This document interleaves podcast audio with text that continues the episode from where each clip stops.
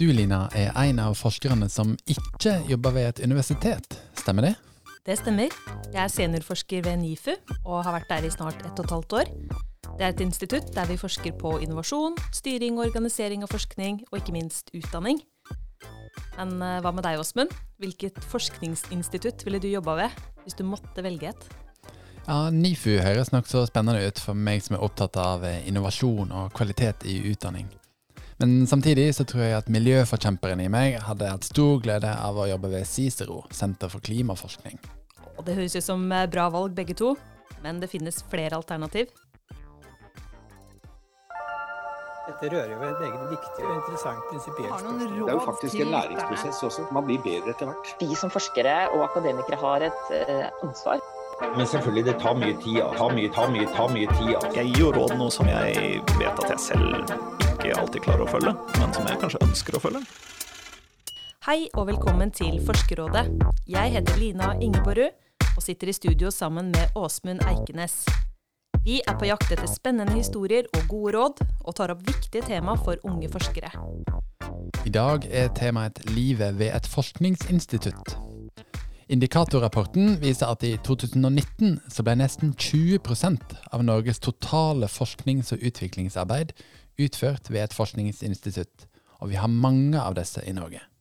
Ja, det kan jo fort virke som om den eneste veien til lykke for oss unge forskere går gjennom universitetet eller høyskolen, mot en fast stilling som førsteamanuensis eller professor. Men hva med alle de andre forskerne som også får seg fast jobb? Hva gjør egentlig alle disse forskerne i instituttsektoren? I dagens episode av Forskerrådet tar vi et dypdykk ned i en sektor vi ikke hører så mye om. Gjester i studio er Åse Kristine Lundberg og Pierre Lissot. Åse Kristine, du er seniorforsker ved Nordlandsforskning og forsker på bruk og vern av naturressurser. Og du har jobba i instituttsektoren i fem år. Velkommen til Forskerrådet. Takk. Og Pierre, du er seniorforsker ved Norsk regnesentral og jobber med maskinlæring og språkteknologi. Du har jobba i instituttsektoren i seks år, og du har også en toerstilling som førsteamanuensis ved Universitetet i Oslo. Og aller først, det er kanskje ikke alle som veit så mye om forskningsinstituttene her i Norge. Så kan du si meg, Pierre, hva er et forskningsinstitutt sånn egentlig? Ja, det er egentlig en, en organisasjon som driver med forskning eh, som primær virksomhet. Og eh, det er mange ulike typer forskningsinstitutter. Det er statlige institutter, eh, private forskningsinstitutt som eh, er finansiert av kontrakter, forskningskontrakter. Eh, men en felles at det er en organisasjon som ikke er et universitet, høyskole eller helseforetak, en som driver med forskning. Ja, hva slags eh, forskningsinstitutt finnes det i Norge? Det finnes mange forskjellige. Eh, en liksom måte å se det på, eller dele dem inn på, er liksom de teknisk-industrielle, de naturvitenskapelige og de samfunnsvitenskapelige instituttene. Og så er det jo noen som er så enorme at de på en måte har alt på en gang. Da. Eh, jeg jobber på et regionalt forskningsinstitutt, så vi er ikke så store. Vi er 45. Eh, og men liksom bakgrunnen var jo et behov da, ute i regionene for at man drev med kunnskapsproduksjon og liksom også var tett på næringslivet. Eh, også utafor universitetene og de store byene, da. Men eh, veldig mange små har jo blitt til liksom store forskningsinstitutter, da. Men, eh, men det er fortsatt eh, stor variasjon, da. Det er det. Ja, vi er ca. 90-95 eh, Ikke ja, ansatte, kanskje 90 forskere. Også administrasjon osv. Eh, men altså, man har også store statlige forskningsinstitutter. Havforskningsinstituttet, eh, Folkehelseinstituttet, eh, som eh, også ikke nødvendigvis går inn i den inndelingen, men eh, som også er ganske store og utgjør en, en, en, en, ja, stor part av eh, forskningsinstituttsektoren. Og litt mer sånn personlig så lurer jeg på hva var det som gjorde at dere valgte å gå inn i instituttsektoren? Eller kan dere si noe om veien inn her? Åse Kristine, vil du begynne? Ja, jeg tror at for min del så hadde det noe å si at eh, veilederen min, eh, når jeg skrev masteroppgave, hun jobba på et forskningsinstitutt, så jeg visste på en måte hva det var, og at, at de fantes utafor universitetene.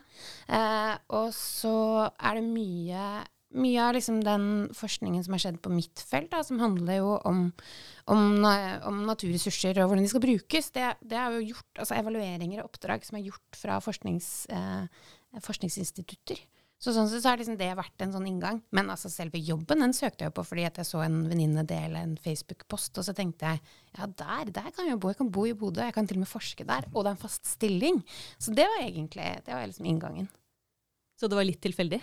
Ja, det vil jeg si. Jeg, eh, vi bodde i Tromsø da, og jeg hadde ikke noen utsikter for å få en fast jobb der. Så jeg tenkte sånn Oi, de forsker på ting som jeg er opptatt av, eh, og, og det er en fast stilling. Så men altså, i tillegg så har jo liksom, liksom det å ha annen type erfaring, da, det tror jeg også hjelper. Har, har gjort andre, andre ting, enten det er liksom ja, organisasjonsliv, eller at man har hatt andre jobber utenfor akademia, for å gjøre den koblingen da, eh, mellom liksom forskning og praksisfeltet.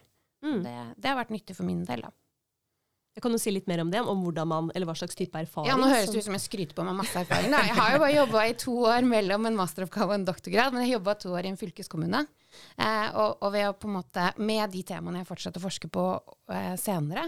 Og det tror jeg liksom gjort en sånn, en sånn forståelse av både hvordan forskningen oppleves når man sitter liksom som byråkrat, da, eh, og hva man kan trenge for, eller kunnskapsproduksjon da, til, men også kanskje en sånn måte å snakke med folk der ute. Eh, og være opptatt av å på en måte lytte til hva slags problemstillinger de opplever. Eh, og så være med i prosesser for å skape den kunnskapen sammen med de, sånn at den kan være liksom anvendbar. Da. Det, det har vært nyttig, da. Mm. Så det er viktig å ha litt perspektiver fra den andre sida. Ja, samtidig som man helt altså, Du kan bli en supergod instituttforsker uten å ha det. Altså, det, det ene for, det forutsetter jo ikke det. Men, eh, men jeg tror det kan være nyttig, da. Mm. Hva med deg, Pierre? Ja, det var også veldig tilfeldig. Altså, jeg tror jeg hadde ikke virkelig hørt om instituttsektoren før jeg startet der. Uh, uh, jeg hadde hørt litt om kanskje Sintef og noen få andre forskningsinstitutter, men ikke veldig mye. Men øh, jeg har prøvde å finne meg en fast stilling, som veldig mange andre eh, forskere etter ja, stipendiatperiode og, postdag. Og eh, jeg visste at det skulle være litt vanskelig, det tar ganske lang tid før jeg kunne finne en fast stilling i akademia. Og samtidig var jeg interessert i litt mer anvendt forskning, vil si. Jeg ønsket å fortsette å eh, drive med forskning. eh, dra med på konferanser og, og publisere osv. Men jeg var også interessert i å koble litt det jeg hadde lært, eh, med det som skjer i, i, industri, i industri, eller ja, konkrete virksomhet som har problemer som skal løses. Så jeg syns det var egentlig ganske bra, det passet meg veldig godt. Men det er et sektor som man ikke har hørt veldig mye om, som du sier. Men jeg lurer på, er det sånn, Blir man en annen type forsker av å jobbe i instituttsektoren? Skal de starte?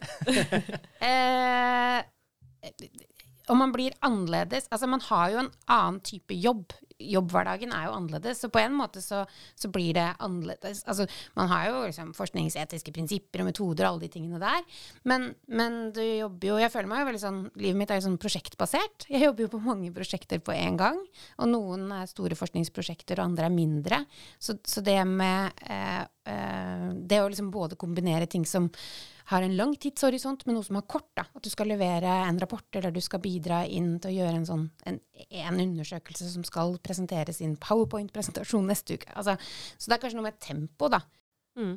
Hva tenker du om det? Ja, ja, altså, altså, men vi er påpasselige at uh, vi får en slags mulighetsrom som forskere. At uh, vi er ikke konsulenter. Uh, det, er, det er en, jeg tror en viktig for, forskjell mellom instituttsektoren og eh, konsulentene. At eh, vi eh, skal drive med forskning og utvikling. Og det er mer anvendt, ja. Men vi skal gjøre en jobb som virkelig er underlagt spesielt forskningsetiske krav osv. Men en ting som jeg også tenker, da, er jo sånn der, vi jobber jo sammen med folk hele tiden. Vi jobber jo i team, da. Eh, og det husker jeg som stipendiat var det, det jeg så aller mest fram til. For jeg fikk, jeg fikk jobben før jeg var ferdig, men jeg måtte bli ferdig for å få lov til å begynne å jobbe. Og vite at i andre enden så er det liksom kollegaer jeg skal jobbe tett med på prosjekter. På å lage prosjekter, på å gjennomføre de. Så det, den man kan jo liksom ofte føle seg liksom ensom med det ene store prosjektet, og det var liksom doktorgraden eller postdokken senere. Men, eh, så i hvert fall mitt, eh, mitt inntrykk er jo at det, det, i instituttsektoren er det sikkert mange folk som ikke er gode på samarbeid òg, men det er mange som er veldig gode på det, fordi at det er en forutsetning på en måte for å få gjort jobben. Da. Du kan ikke bare jobbe helt alene. Så man jobber litt mer alene på universitet. Mens i instituttsektoren er det virkelig Vi jobber i teams. Vi, eh, og hvert team er koblet til et prosjekt, og, eh, og vi har ofte veldig mange prosjekter på gang. Og så gjør dere sikkert ikke bare oppdragsprosjekter. Eller jeg kan jo si jeg jobber sjøl i instituttsektoren, og vi har veldig mange ulike typer prosjekter. Altså både de som er eh, fra oppdragsgivere, men også prosjekter finansiert av Forskningsrådet og internfinansierte. Kan dere si noe om det, om hvordan dere opplever det å balansere så ulike typer prosjekter? Og, og er det noe hierarki, opplever dere, mellom de prosjekttypene? Så jeg tror det er virkelig avhengig av personen. Det er det, det som er interessant med instituttsektoren, at man har den bredde. Eh, man får lov til, også hvis man ikke er så interessert i å publisere ti forskningsartikler hvert år, uh, og drive litt mer anvendt. Selvfølgelig må man publisere, og man må kunne faget sitt, og følge med på som, uh, hvordan utvikle, fagfeltet utvikler seg. Men man har litt, litt mer frihet i, ja, i den dimensjonen, da. Det er jo sånn, vi blir jo målt, altså Instituttene blir målt av Forskningsrådet på både å, å liksom de store forskningsprosjektene, enten det er fra Forskningsrådet eller liksom EU-prosjektene, eh, telt i liksom euro inn. Men man blir jo også målt på i hva slags grad man, man klarer å, å, levere på oppdrag. Altså det å ha ja, Jobbe for direktorat, departement, for, for bedrifter. Altså, eh, så det har jo absolutt verdi. Jeg opplever at det beste er liksom hvis man klarer å koble de to verdenene. Det er liksom noen som ser på de veldig sånn separat, men hvis du kan ha ett prosjekt, og så kan du bygge videre på det gjennom så Hvis du har gjort en, en utredning da, for et departement, så er det mulig å bygge videre i, og utvikle et, et større forskningsrådsprosjekt på det, men også den andre veien.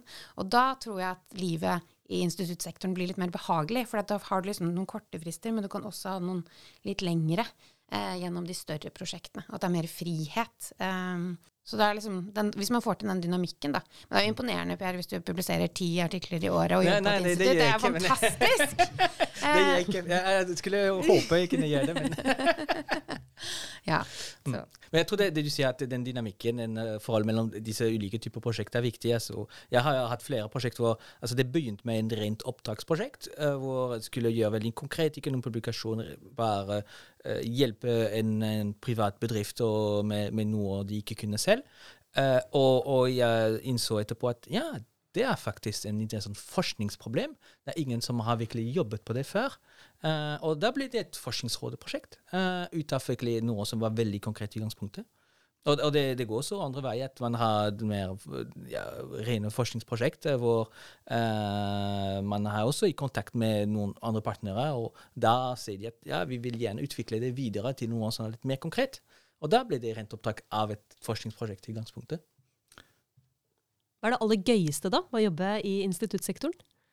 Jeg har en kollega som sier sånn Ja, nå redder vi verden, eller vi gjør verden til et bedre sted, en rapport av gangen. Og innimellom så føles det sånn liksom det å faktisk reelt bidra til noe der ute, ved å være tett på de som tar beslutningene, bidra med kunnskap inn, formidle den kunnskapen ut til mange aktører, det syns jeg er liksom det, det, er i hvert fall noe som er meningsfullt, da. Og det gjør jo at det blir gøy, liksom.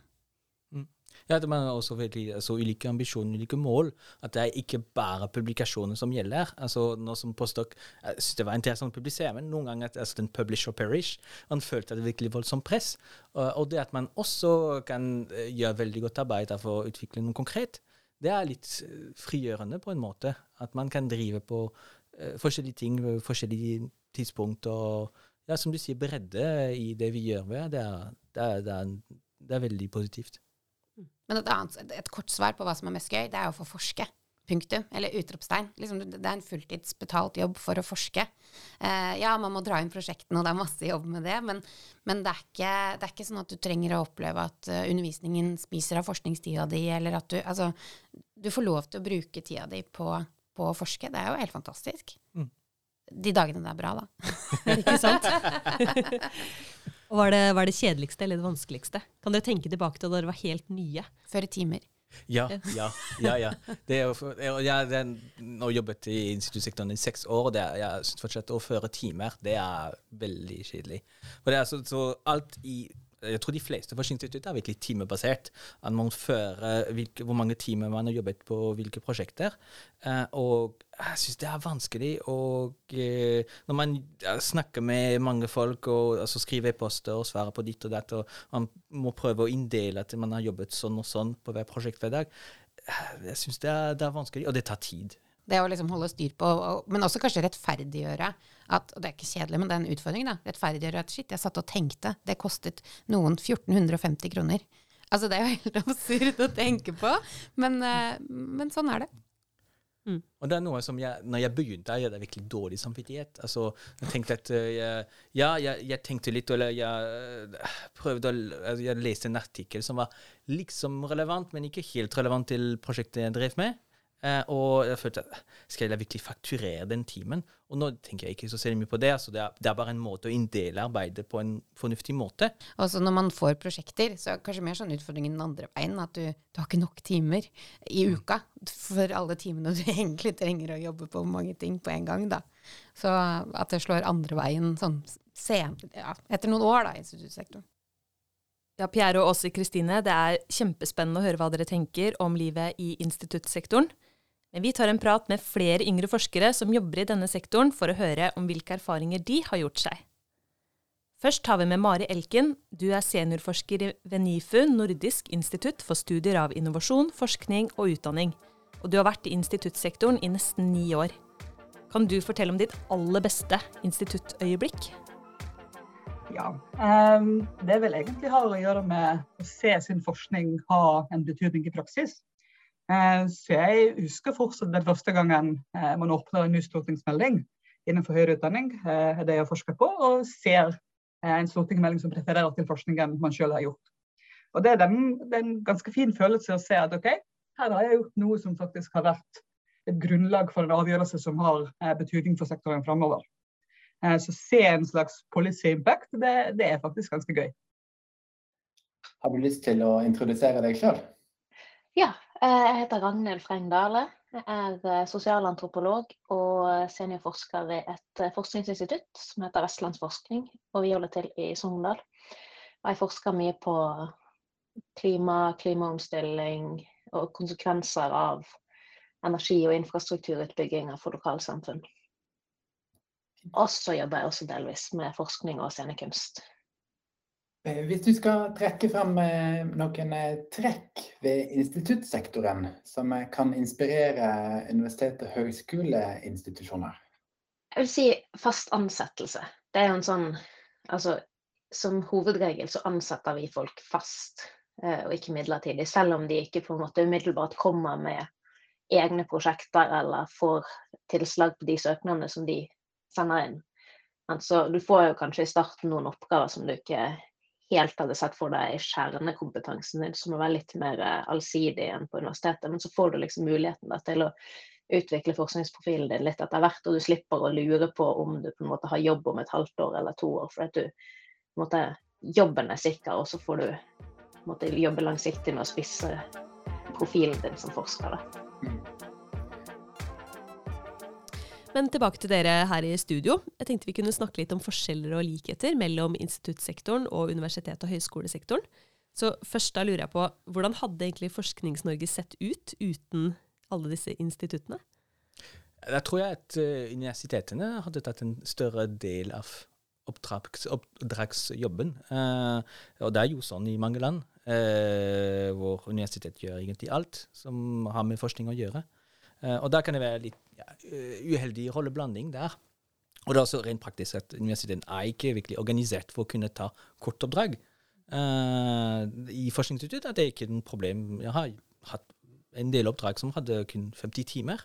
Uh, for en, en universitetsprofessor, det å frigjøre 50 timer på å jobbe på noe helt konkret, det er, det er vanskelig å få til, og det er vanskelig å organisere for et stor universitet.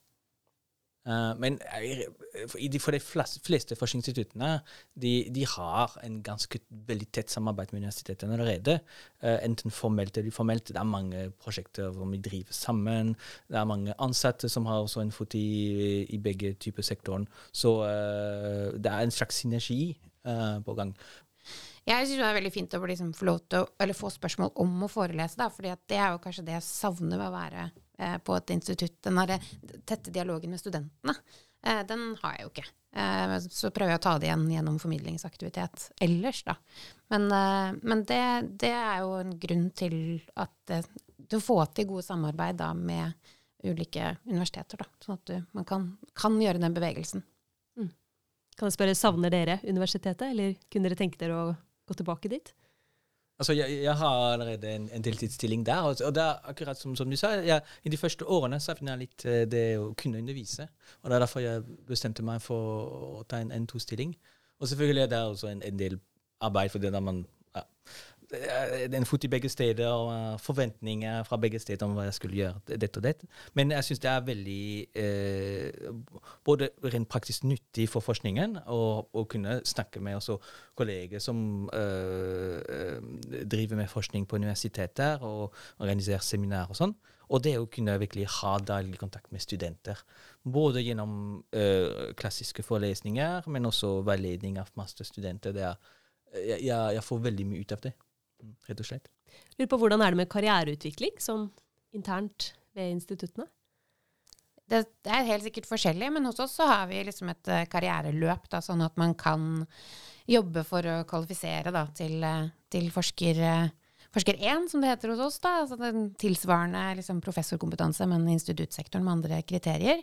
Hvor, eh, hvor, det settes av en betydelig sum hvert år, og så kan man søke. Og så Hvis man kommer inn, så blir man liksom et kull, og så får man tid til å skrive de artiklene som man ikke, ikke liksom har på prosjekter. Eh, og, og, det er liksom en mentor. Og en av de store utfordringene for unge forskere i universitet- og høyskolesektoren, det er jo midlertidighet. Men i instituttsektoren så får man fast jobb med en gang. Så si meg, hvorfor jobber ikke alle unge forskere i instituttsektoren? Og hvordan i all verden går det an å ansette fast? Ja, det, det, det er sant at uh, det, det, er egentlig et, et paradoks at uh, når man hører universitetet prøve å forsvare den høye midlertidighet De snakker ofte at uh, de har mange prosjekter som er så eksternt finansiert, og dermed kan de ikke ansette fast. Men altså, i instituttsektoren vi gjør bare det. Altså, Nesten hele budsjettet vårt kommer fra prosjekter. Hadde vi brukt samme argument, hadde det ingen forskere kunne jobbet fast i instituttsektoren. Så det er litt mer ja, kulturen eh, i, i de, de, to sektorene som er annerledes. Så det tør å ta litt mer risiko? Ja, ja, ja, ja, absolutt. Det å kunne være i et karriereløp, det å være, liksom, at det er en arbeidsgiver som har en plan for deg, og som eventuelt også er villig til å bygge opp et fagmiljø rundt din kompetanse. Det opplever iallfall jeg som en veldig sånn stor åpenhet som, som liksom ung forsker, at noen satser på meg, eh, som jeg ikke tror at kanskje er helt tilsvarende da på universitetet. Mm. Og det, det, det, føles veldig annerledes. personen. Og, altså, altså, vi må dra inn prosjekter, eh, eller for vi har forventet til å gjøre det, fordi det er det forskningsinstituttet lever av. Uh, men det er ikke så personlig. Altså, jeg husker når jeg søkte en, en stipend for min postdoc, og jeg var veldig usikker om jeg skulle få det på universitetet.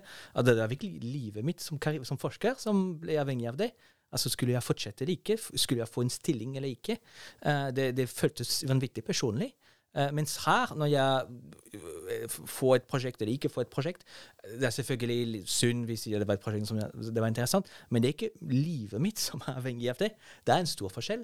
Ja, jeg får faststilling uansett, og det er veldig frigjørende å kunne tenke OK, ja, jeg, jeg, kan fortsette som forsker. Det er ikke sånn jeg må finne meg en, en helt annen type jobb hvis jeg ikke får den bevilgningen. Blir det litt lettere å takle alle avslagene?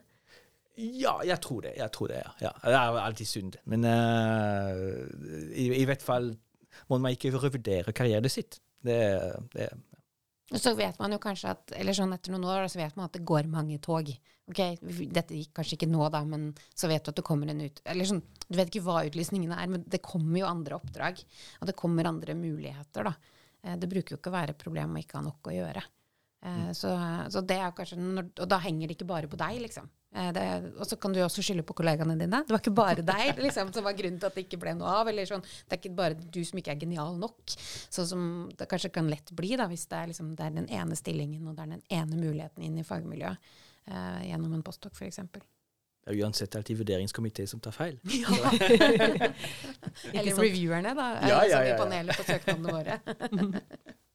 Hvordan er det med arbeidstid? Du sa at uh, dere jobber alltid nok. Er det, er det sånn som i universitet- og høyskolesektoren, eller?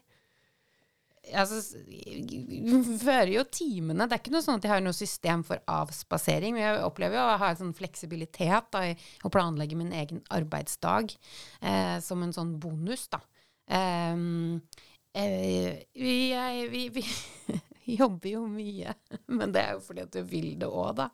Så det, men eh, jeg har bare én eh, arbeidsgiver. Per har jo to, så da tipper jeg det blir, liksom, det blir jo mer enn 100 til sammen. Ja, de fleste ukene, ja. Men eh, det, når det gjelder arbeidstid, det er kanskje litt mer altså, ja, Siden man fører timer, er litt mer bevisst på at OK, Mm. jeg jobbet mye, eller jeg jobbet for lite. Ja. Mens på universitetet man, man tenker ikke på sånn i det hele tatt. Uh, men uh, uansett er rimelig fleksibel. Altså, vi har fleksitid. Eh, det er noen dager hvor jeg kommer litt senere, og det er med ja, B-mennesker og, og jobber på kveldstid. Uh, det er ikke noe problem. Man må, man må komme til kontoret, ja, det, men altså, det må man på universitetet også. Men det, men det er kanskje disiplinerende òg, ved at du faktisk fører timene. Så vet, men så vet du jo òg, kanskje når det begynner å gå tomt på et prosjekt, da, og du er faktisk ikke helt i mål, så blir det kanskje en em, i neste gang så, så, så budsjetterer du annerledes. Eller det blir en sånn bevisstgjøring, da, for det er jo kjempelett å, å liksom hele veien tenke at jeg jobber ikke nok, for jeg er ikke ferdig med det, eller det, det skulle vært ferdig. Men, eh, men det at dagen eh, Det er jo begrensa antall eh, timer liksom i døgnet. Og, og det å, å måtte forholde seg til timene, det tror jeg også kan være bra, da.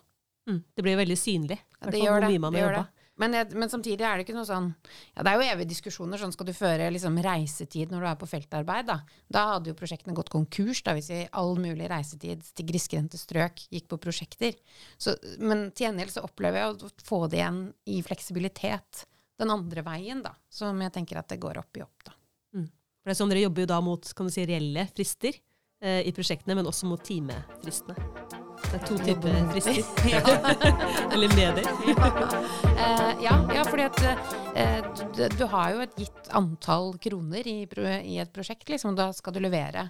Eh, Hvis du skal levere en rapport, eller du skal, levere, du skal gjøre et forsøk, som, som PR gjør, jeg gjør ikke det, men du skal gjøre en, et feltarbeid som bidrar til noe, så, så, så det er vel kanskje en av de tingene at du må også, du må faktisk få et forhold til, ja, hva koster å publisere en artikkel?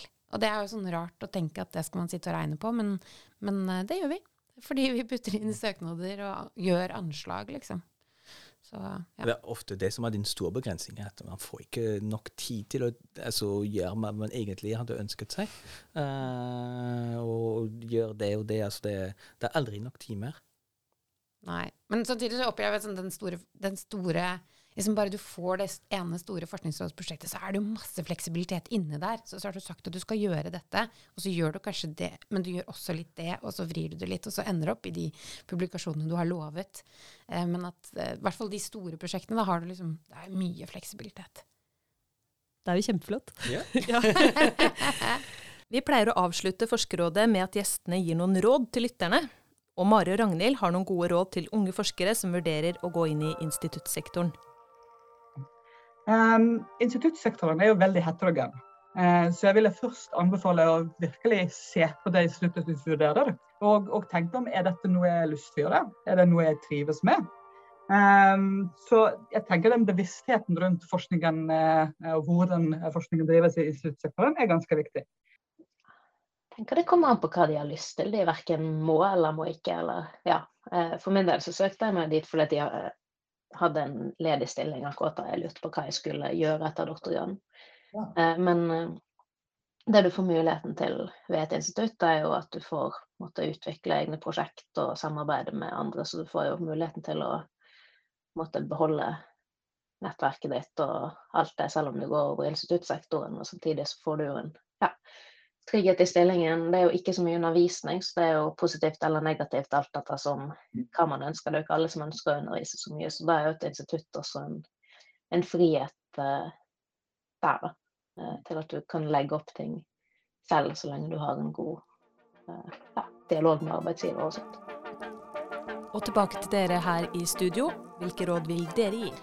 Å gjøre det. Altså hvorfor altså det, jo, eh, det handler jo kanskje om kjennskap om at det er en mulighet, da. Eh, men eh, ja, vi rekrutterer. Vi driver og vokser og bygger regionkontorer i Svolvær og Mo i Rana. Så vi trenger dyktige forskere, så det er bare å løpe og søke.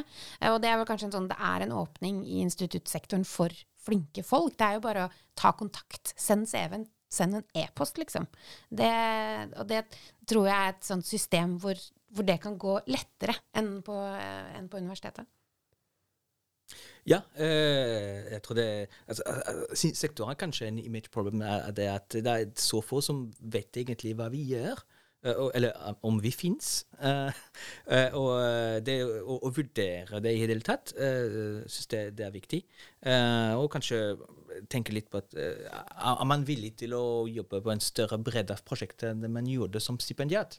det er selvfølgelig en, Jeg tror for de fleste forskere vil de si ja, jeg ønsker å gjøre masse forskjellig. Eh, og da tenker jeg også at uh, For forskere som meg, som kommer fra utlandet, det å kunne norsk er også en, en viktig konkret råd. Fordi vi jobber Vi har de fleste partnere eller oppdragsgivere de bruker norsk som arbeidsspråk. Og det å kunne i det minste kommunisere på norsk, det er en, en viktig forutsetning.